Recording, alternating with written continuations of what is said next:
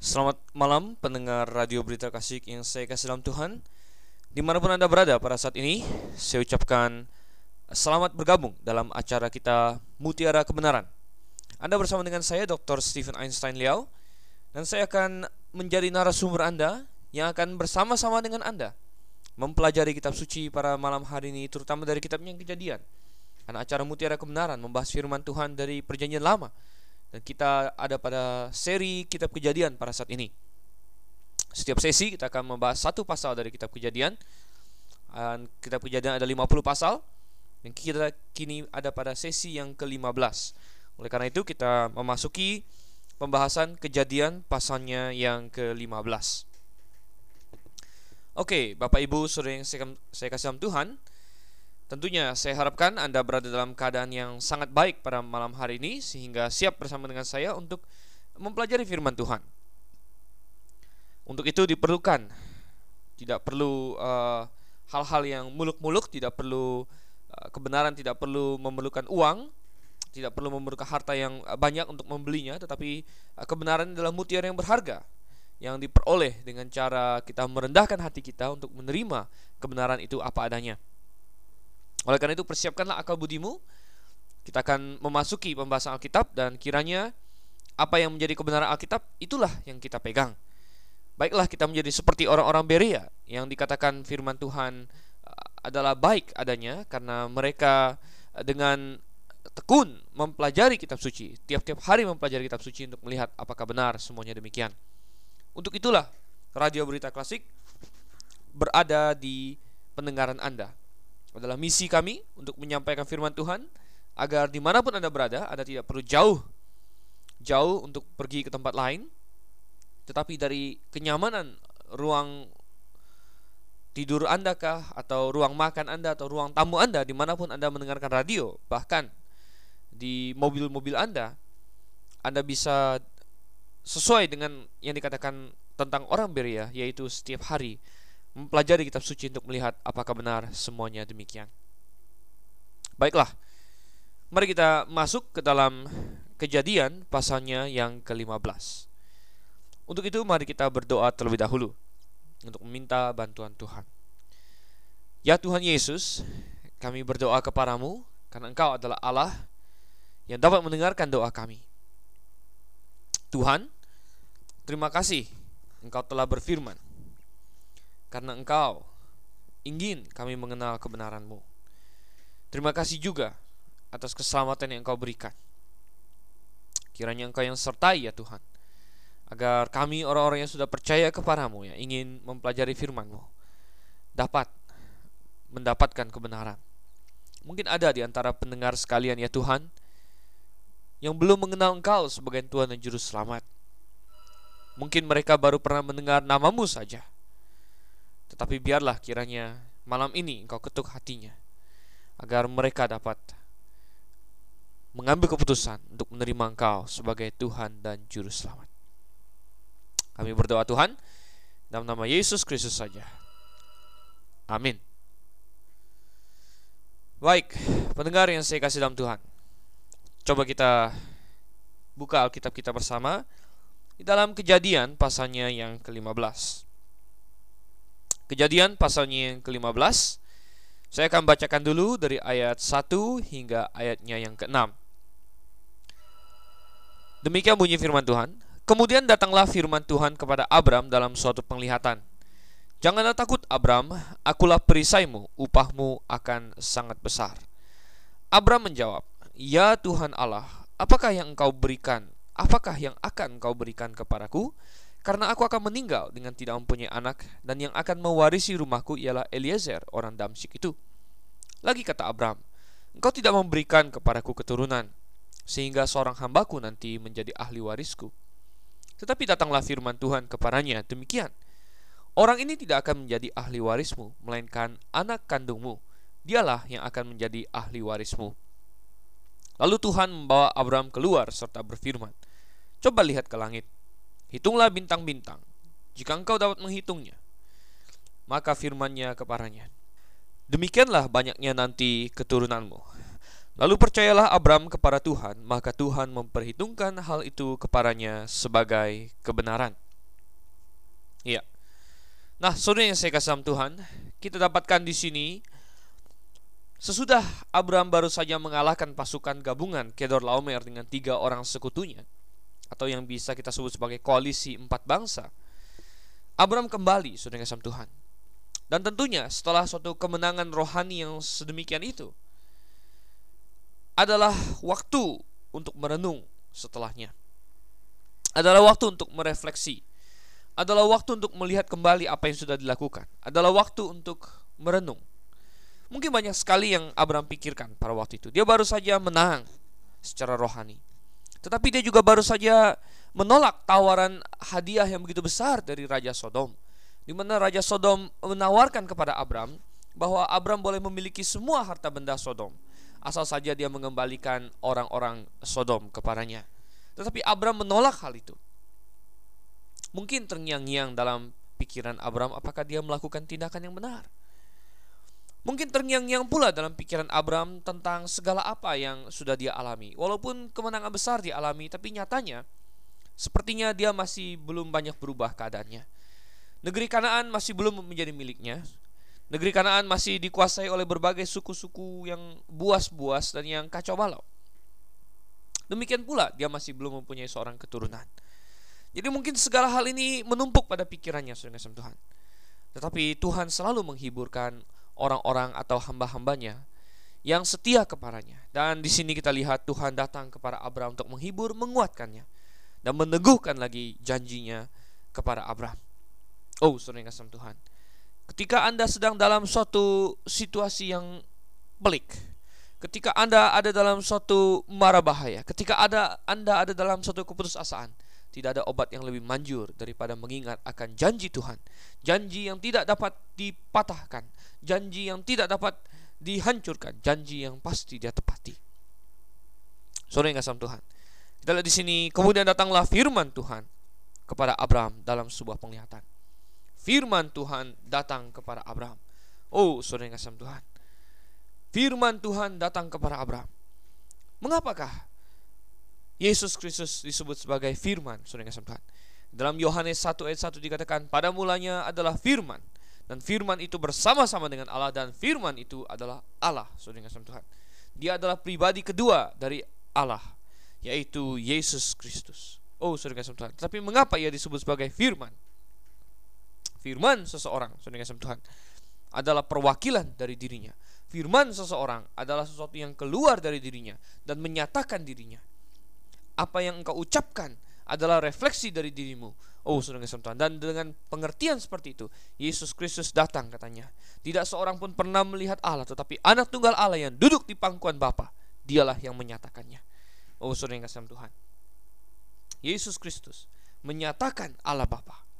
Sehingga dia disebut sebagai firman, yaitu uh, dia yang menyatakan Allah. Oh, yang Tuhan manusia berbeda dengan segala jenis makhluk yang lain, di mana manusia bisa berfirman, manusia bisa berkata-kata. Makhluk yang lain, mereka bisa berkomunikasi, saudara, dengan eh, erangan, dengan tangisan, dengan teriakan, dengan gonggongan, tetapi tidak ada di antara mereka yang berkata-kata.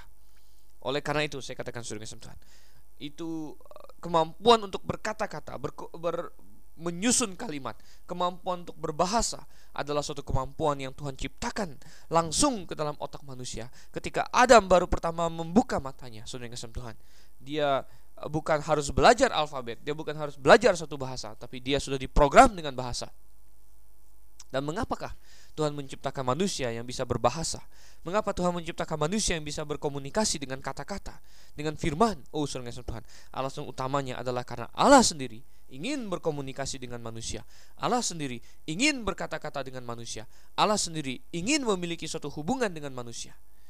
Dan oleh sebab itulah dia menciptakan manusia yang dapat berkomunikasi juga. Oh, saudara yang kasih Tuhan. Kita lihat di sini. Janganlah takut, kata Tuhan. Abraham. Ini adalah kali pertama di dalam Alkitab ada kata janganlah takut. Dan Sebenarnya kata takut sendiri sudah pernah di dalam Alkitab, yaitu ketika Adam mendengar langkah Allah datang kepadanya. Maka Adam menjadi takut katanya. Itu adalah kali pertama kata takut muncul dalam Alkitab, yaitu ketika manusia pertama jatuh ke dalam dosa. Mulai saat itulah ada ketakutan. Tetapi saudara yang Tuhan, itu terjadi pada Adam. Adam adalah bapa semua manusia. Tetapi kita lihat bedanya dengan Abram, saudara. Adam adalah bapa uh, semua manusia dan dia untuk pertama kali merasakan takut. Abram sebaliknya disebut dalam Alkitab bapa segala orang yang beriman dan dia adalah orang pertama yang tercatat Allah berkata kepadanya, "Janganlah takut." Anda lihat perbedaan. Adam bapa semua manusia. Abram bapa semua orang yang beriman. Oh, saudara yang kasih Tuhan. Dan kedua orang ini eh, cukup berbeda secara simbolik. Tentu kita percaya bahwa Adam juga percaya kepada Tuhan dan masuk surga. Ya. Janganlah takut, Abram katanya. Akulah perisaimu, upahmu akan sangat besar.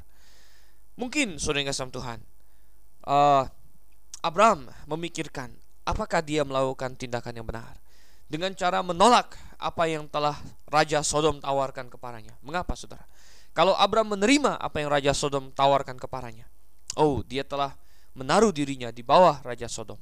Karena dalam Ibrani dikatakan tidak dapat disangkal bahwa yang lebih besar memberkati yang lebih kecil, saudara. Abraham tidak ingin untuk mendapatkan hartanya dari dunia ini, terutama dari Raja Sodom yang terkenal begitu jahat, yang terkenal begitu bejat. Abraham tidak mau diasosiasikan dengan dirinya. Oh, saudara, hari ini pun ketika kita sebagai orang percaya harus mengambil keputusan sering kali. Apakah kita mau memilih harta dunia ini dengan cara meninggalkan prinsip-prinsip Tuhan, dengan cara meninggalkan Tuhan sendiri bahkan, dengan cara untuk uh, pergi dari kebenaran, kita mungkin bisa memperoleh harta materi, harta yang lebih besar, tetapi saudara yang Tuhan. Akankah kita bertindak seperti Abraham, di mana kita mengatakan tidak kepada semua itu? Kalau itu melanggar prinsip iman saya, kalau itu melanggar etika yang saya pelajari dari Tuhan, kalau itu melanggar kasih saya kepada Tuhan, saya tidak akan lakukan. Oh saudara, hari ini Tuhan juga sedang mencari orang-orang yang demi dia mau melepaskan harta duniawi saudara. Orang-orang yang demi dia mau ya uh, melepaskan misalnya uh, keuntungan besar yang ada di depan mata. Demi apa? Mungkin demi melayani dia. Mungkin seseorang yang tadinya bisa menjadi seorang bisnismen yang sangat berhasil, seorang yang tadinya bisa menjadi seorang profesional yang begitu gagah dan begitu hebat, tetapi mungkin saja dia melepaskan semua itu, saudara Tuhan. Demi apa? Demi melayani Tuhan misalnya demi masuk sekolah teologi, masuk ke Grafe International Theological Seminary untuk dididik, untuk menjadi seorang penginjil, untuk menjadi seorang gembala sidang, seorang pelayan Tuhan yang memberitakan firman Tuhan. Oh, yang kasih Tuhan. Tuhan mencari orang seperti itu, seperti Abraham. Dan Tuhan seperti juga kepada Abraham, Tuhan berkata, Abraham, akulah perisaimu, upahmu akan sangat besar. Oh, saudara yang Tuhan upah Abram akan sangat besar, sama seperti juga dengan upah semua orang yang berharap kepada Tuhan. Nah, sampai dengan saat ini kita melihat uh, pergumulan yang terjadi pada diri Abram, di mana Abram men menerima itu dengan sukacita. Tetapi saudara yang Tuhan, ada satu hal yang masih mengganjal di dalam hatinya, yaitu masalah keturunannya. Oh, saudara yang Tuhan. Biasanya manusia mencari uang dan lain sebagainya. Kemudian setelah dia mati, dia akan tinggalkan kepada anaknya. Tetapi Abraham berpikir, kepada siapakah aku akan meninggalkan semua harta milikku? Ya. Bukankah aku tidak punya anak? Mungkin Abraham sudah menulis surat wasiatnya. Mungkin Abraham sudah mengatur kalau suatu hari seketika dia mati, maka terpaksa yang akan menerima harta bendanya adalah hambanya yang paling setia, hambanya yang senior mungkin. Di sini dikatakan Eliezer, orang Damsik itu. Oh, saudara yang kasih Tuhan. Dan Abraham berpikir tentang hal itu dengan sedikit kesedihan. Memang Tuhan sudah berjanji bahwa Abraham akan memiliki keturunan. Tetapi sampai sekarang masih belum, saudara. Dan tuh Abraham berkata, engkau tidak memberikan kepadaku keturunan. Sehingga seorang hambaku nanti menjadi ahli warisku. Oh, saudara yang kasih Tuhan. Kita lihat pergumulan Abraham di sini dan keluh kesahnya. Baik saudara yang kasih Tuhan Dalam konteks itulah Tuhan kembali menampakkan diri kepada Abraham Dan Tuhan meneguhkan janjinya akan memberikan kepadanya seorang keturunan Di ayat yang keempat Datanglah firman Tuhan kepadanya demikian.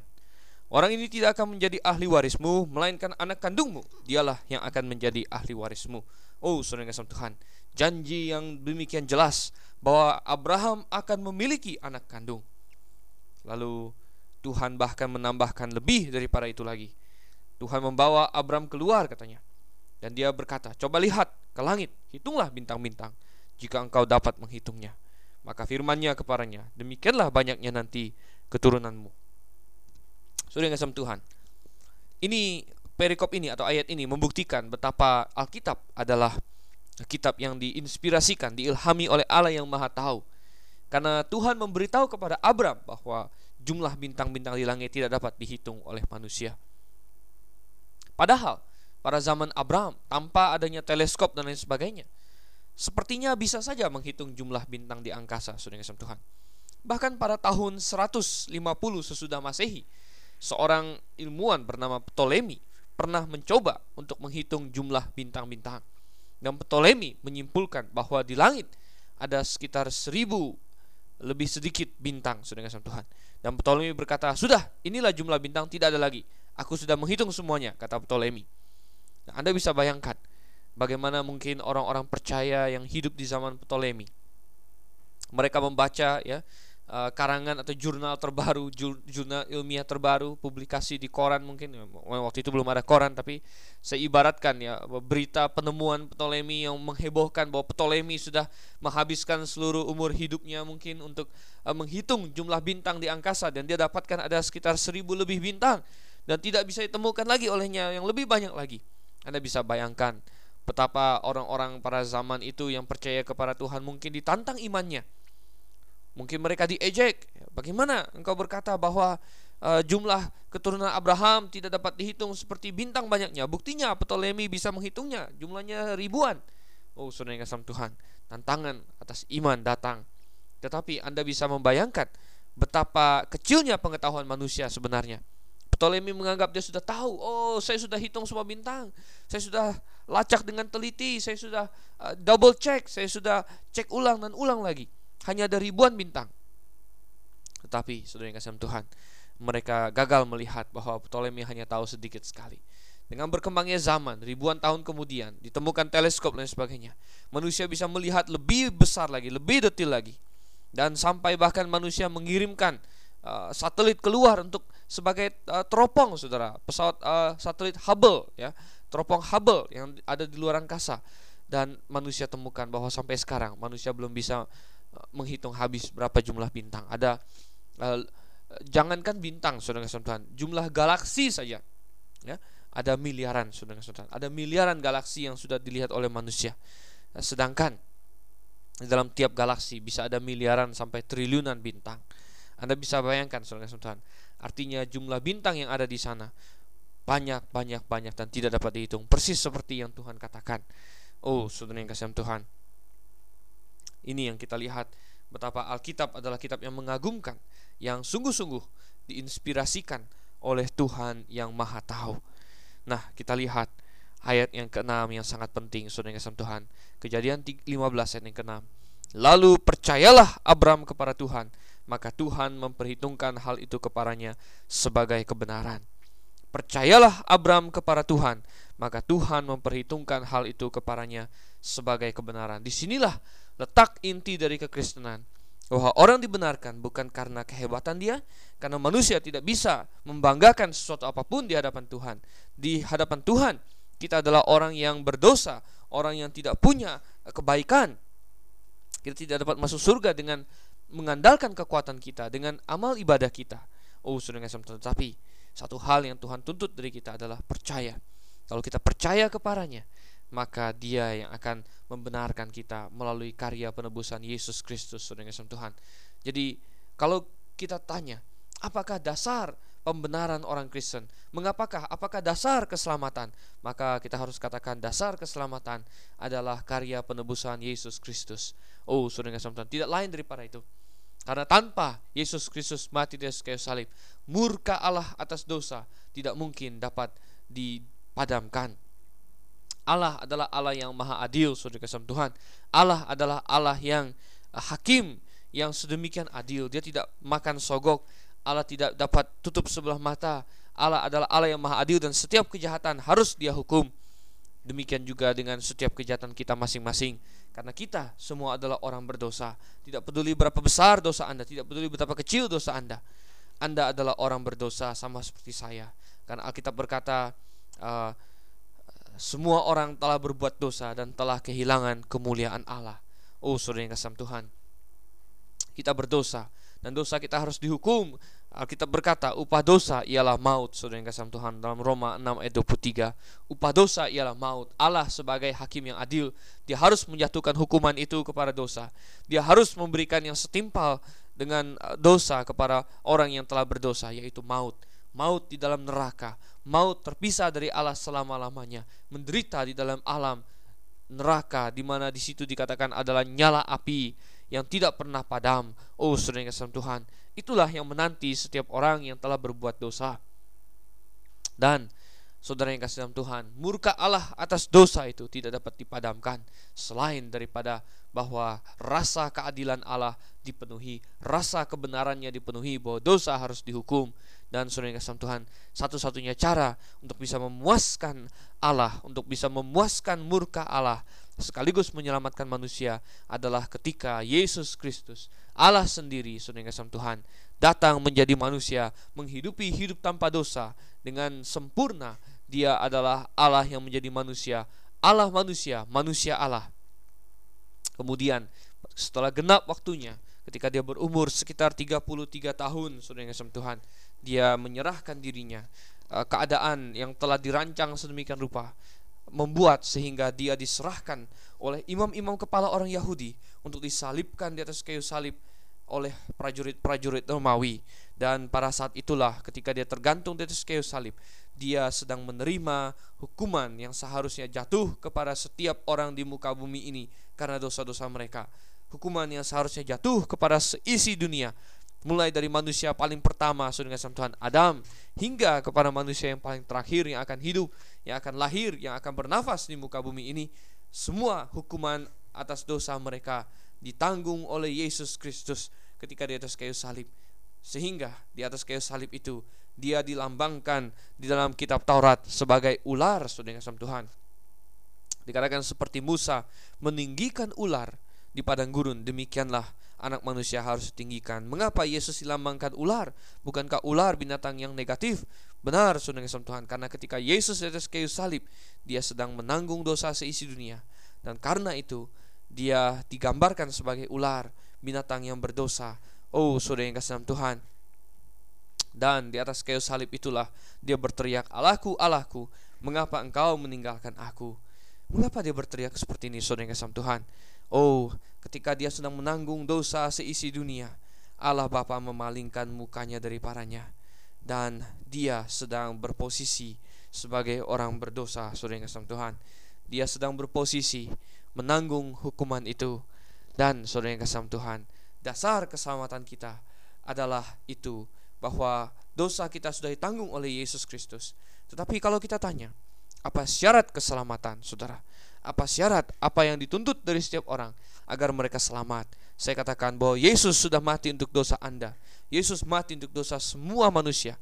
Setiap manusia yang Anda ketemui hari ini dan yang akan Anda temui sudah ditanggung dosanya oleh Yesus. Tetapi tidak semua dari mereka akan menerima manfaat dari penanggungan itu. Mengapa saudara? Karena ada syaratnya. Ada syarat untuk menerima penanggungan itu sehingga apa yang Yesus lakukan itu diaplikasikan bagi kita, diterapkan, di, dinyatakan bermanfaat bagi kita ada syaratnya. Dan apa itu syarat keselamatan Saudara Tuhan? Syarat keselamatan tidak lain yang tidak bukan di dalam Alkitab adalah iman, percaya. Ketika Abraham percaya kepada janji Allah, maka Saudara Tuhan, Allah katanya memperhitungkan itu kepadanya sebagai kebenaran. Oh, bukan karena Abraham tidak pernah berdosa. Kita telah baca bagaimana Abraham gagal untuk melindungi istrinya, bagaimana Abraham gagal ini dan gagal itu. Kita akan temui saudara Tuhan. Tapi diperhitungkan sebagai kebenaran adalah percayanya Abraham saudara Tuhan. Mengapa? Mengapa Tuhan begitu rindu manusia percaya kepadanya?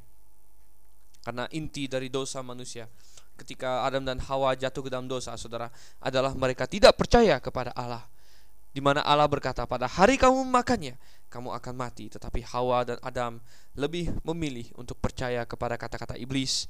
Ular itu yang berkata kepada mereka, "Sekali-kali kamu tidak akan mati."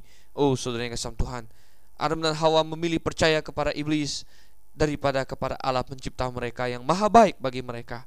Oleh karena itu, barang siapa yang mau diselamatkan, Tuhan menuntut mereka percaya kepadanya. Mereka percaya kepada Yesus Kristus yang adalah Tuhan dan Juru Selamat.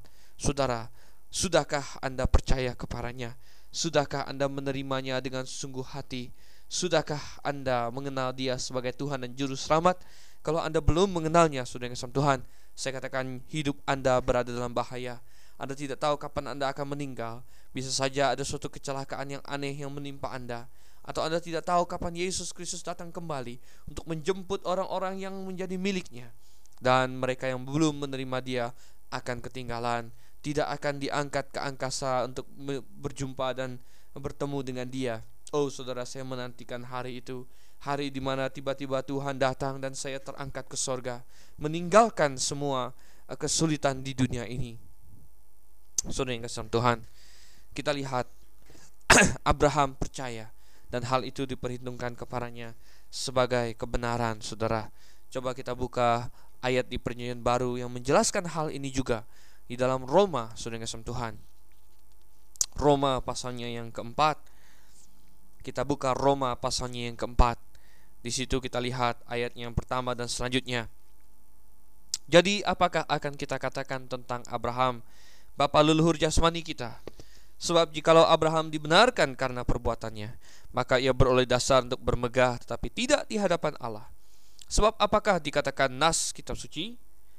Lalu percayalah Abraham kepada Tuhan dan Tuhan memperhitungkan hal itu kepadanya sebagai kebenaran.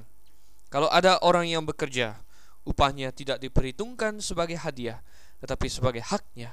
Tetapi kalau ada orang yang tidak bekerja, namun percaya kepada Dia yang membenarkan orang durhaka, imannya diperhitungkan menjadi kebenaran. Cukup jelas saudara kasih Tuhan. Saya tidak peduli Anda dari latar belakang apa. Saya tidak peduli Anda dari uh, kepercayaan apa. Saya ingin bertanya kepada Anda, sudah pastikah Anda masuk surga? Atau mungkin saya perlu bertanya kepada Anda satu langkah lebih maju lagi. Dengan apakah Anda berharap untuk masuk surga? Banyak orang di dunia ini berharap untuk masuk surga berdasarkan apa yang berhasil mereka lakukan. Oh, saya berhasil beramal dengan banyak.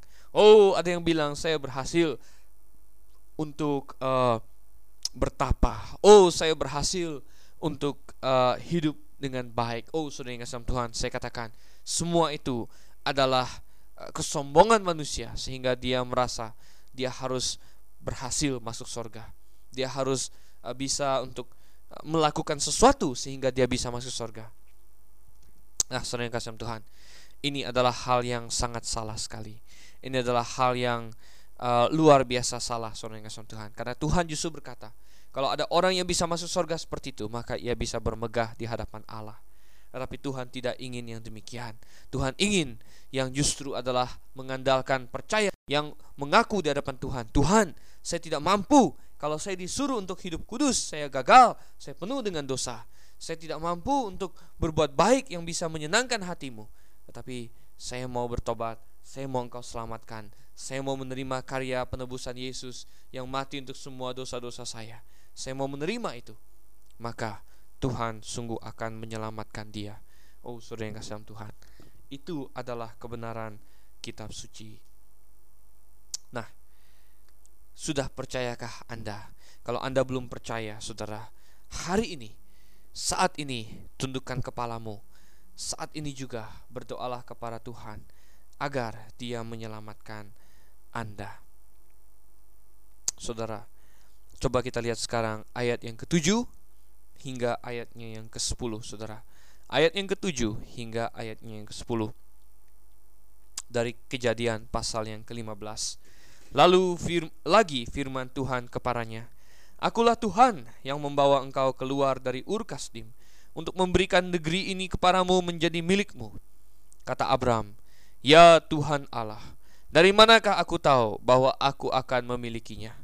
Firman Tuhan kepadanya, Ambillah bagiku seekor lembu betina berumur tiga tahun, seekor kambing betina berumur tiga tahun, seekor domba jantan berumur tiga tahun, seekor burung tekukur dan seekor anak burung merpati. Diambilnyalah semuanya itu bagi Tuhan, dipotong dua, lalu diletakkannya bagian-bagian itu yang satu di samping yang lain. Tetapi burung-burung itu tidak dipotong dua. Ketika burung-burung buas hinggap pada daging binatang-binatang itu, maka Abram mengusirnya. Saudara, Tuhan bukan hanya menjanjikan kepada Abram upah yang besar.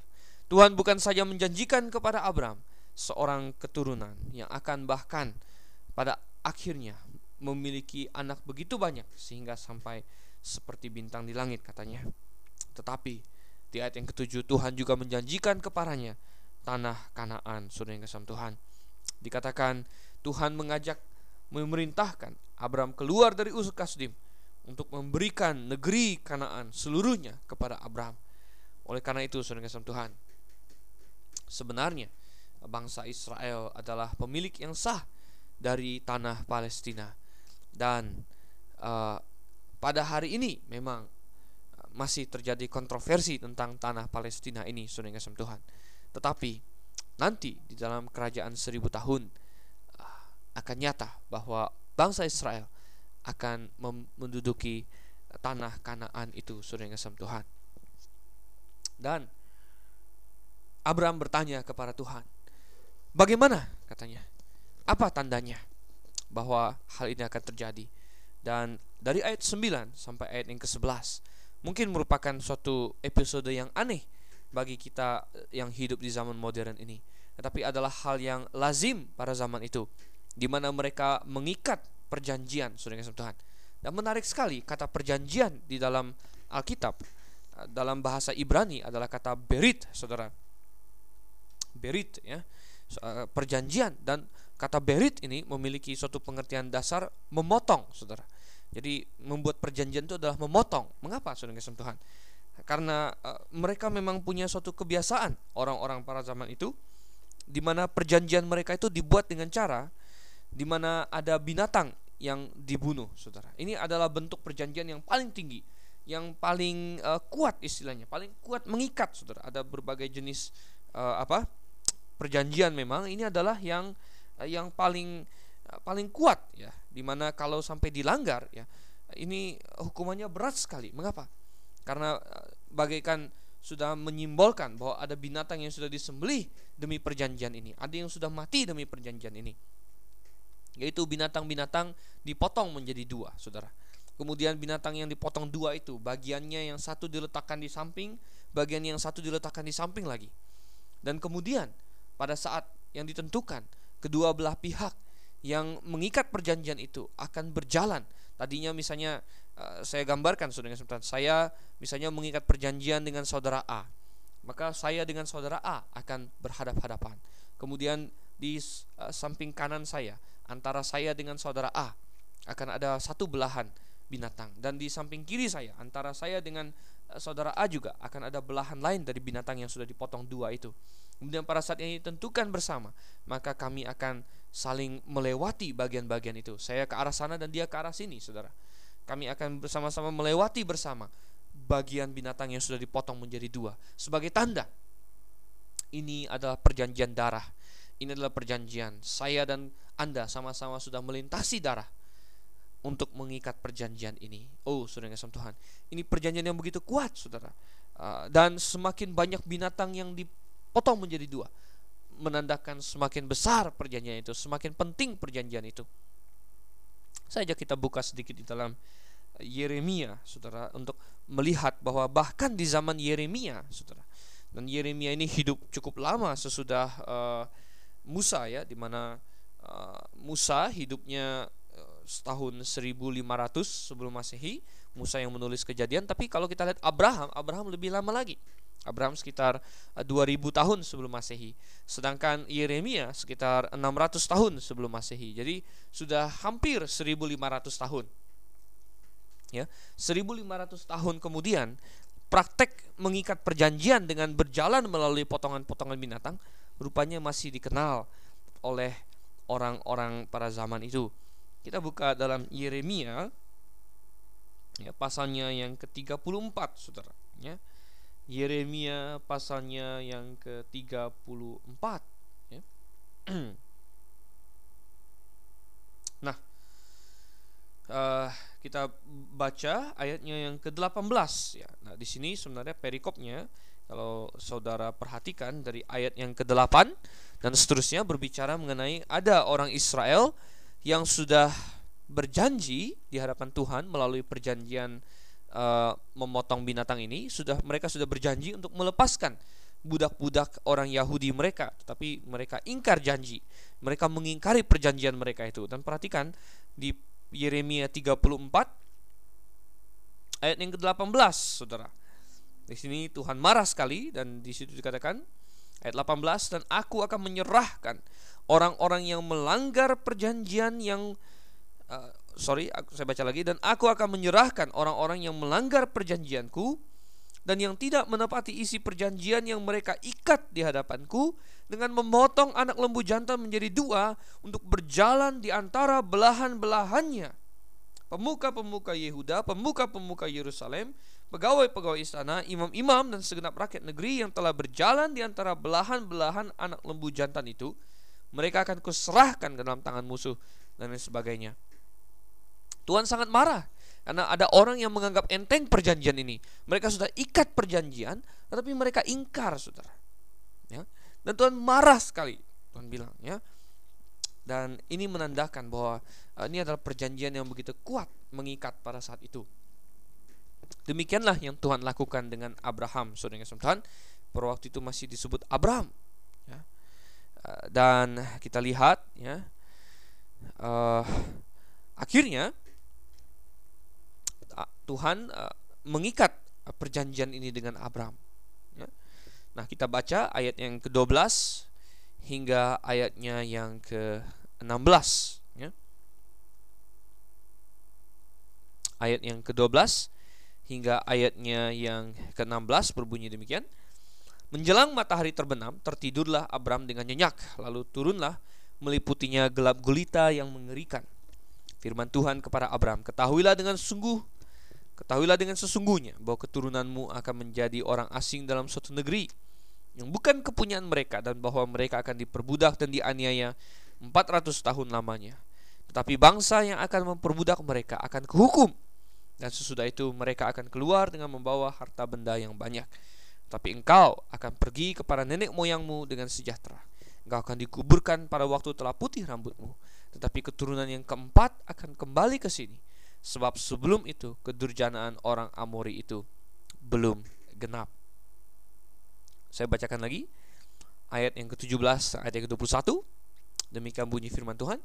Ketika matahari telah terbenam dan hari menjadi gelap, maka kelihatanlah perapian yang berasap beserta suluh yang berapi lewat di antara potongan-potongan daging itu. Pada hari itulah Tuhan mengadakan perjanjian dengan Abraham serta berfirman, "Kepada keturunan mulah kuberikan negeri ini, mulai dari sungai Mesir sampai ke sungai yang besar itu, sungai Efrat, yakni tanah orang Keni, orang Kenas, orang Katmon, orang Het, orang Feris, orang Refaim, orang Amori, orang Kanaan, orang Girgazi, dan orang Yebus itu. Ya, saudara yang Tuhan, kita lihat isi perjanjian yang Tuhan berikan kepada Abraham tentang keturunannya. Tuhan sekaligus juga memberitahu kepada Abraham apa yang akan terjadi di kemudian hari bahwa sudah dibuatkan mengenai bangsa Israel keturunan Abraham itu yang akan diperbudak di tanah Mesir tahu 400 tahun. Ini adalah angka tentunya angka bulat Saudara. Di bagian Alkitab lain diberitahu 430 tahun. Ya. Dan dikatakan keturunan yang keempat, Saudara. Mengapa dikatakan keturunan yang keempat ya? ya padahal mungkin 400 tahun lebih dari empat keturunan, tetapi Tuhan um, mengambil angka genap di sini. Lagi pula Abraham sendiri punya anak Ishak nanti baru setelah umur 100 tahun. Jadi kalau kita ambil Abraham sebagai patokan, maka empat keturunan adalah 400 tahun. Tetapi satu hal yang kita lihat di sini adalah di ayat yang ke-16 kita temukan suatu hal yang indah bahwa kenapa bangsa Israel diperbudak demikian lama? Tentu ada banyak alasan Saudara. Mungkin iman mereka masih perlu digembleng. Mungkin uh, mereka masih perlu dididik. Tapi salah satu alasannya juga adalah bahwa Tuhan sedang mempersiapkan bangsa Israel untuk menjadi alat alat penghukum ya. Cambuknya, alat hukumannya untuk uh, menghukum orang-orang Amori yang tinggal di Kanaan yang begitu bejat. Oh saudara, banyak orang kadang-kadang membaca Alkitab, mereka terlalu cepat mengkritik. Mereka berkata, mengapa bangsa Israel keluar dari tanah Mesir, kemudian membunuh bangsa-bangsa Kanaan dengan demikian keji. Bahkan ada yang anak-anaknya bahkan dibunuh sekalipun. Perempuannya semua tidak ada yang disayangkan. Bahkan ternak kambing dombanya pun dibunuh semua. Mengapa demikian? Saudara yang kasih Tuhan, kita tidak perlu untuk mempertanyakan moralitas dari Allah, tetapi kita uh, bisa saja untuk melihat bahwa ternyata bangsa Israel waktu itu Tuhan pakai sebagai alat hukumannya di mana bangsa Amori sedemikian bejat Tuhan menunggu katanya sampai kedurjanaan orang Amori itu genap dulu di mana mereka orang-orang yang begitu jahat saudara. Mereka mempersembahkan anak mereka ke dalam api untuk dewa-dewi mereka. Bukankah itu suatu hal yang jahat? Mereka banyak yang tidak punya moral ya dan lain sebagainya. Dan Tuhan menunggu sampai sudah cukup jahat mereka untuk dihancurkan semuanya. Barulah dia memakai Israel sebagai alat penghakimannya. Demikian juga sebenarnya Allah bukan pilih kasih kalau orang Israel salah saudara seperti yang banyak terjadi dalam sejarah mereka maka Tuhan juga menggunakan bangsa-bangsa lain sebagai cambuknya untuk menghukum bangsa Israel untuk menimbulkan kerusakan yang hebat di zaman hakim-hakim berkali-kali bangsa Israel mengalami kesesakan yang demikian dahsyat karena uh, mereka meninggalkan Tuhan. Demikian juga Tuhan akhirnya pakai bangsa Asyur dan bangsa Babel ketika bangsa Israel sudah begitu jauh menyimpang untuk mengalahkan mereka, menghancurkan mereka, bahkan menawan mereka untuk masuk ke dalam pembuangan.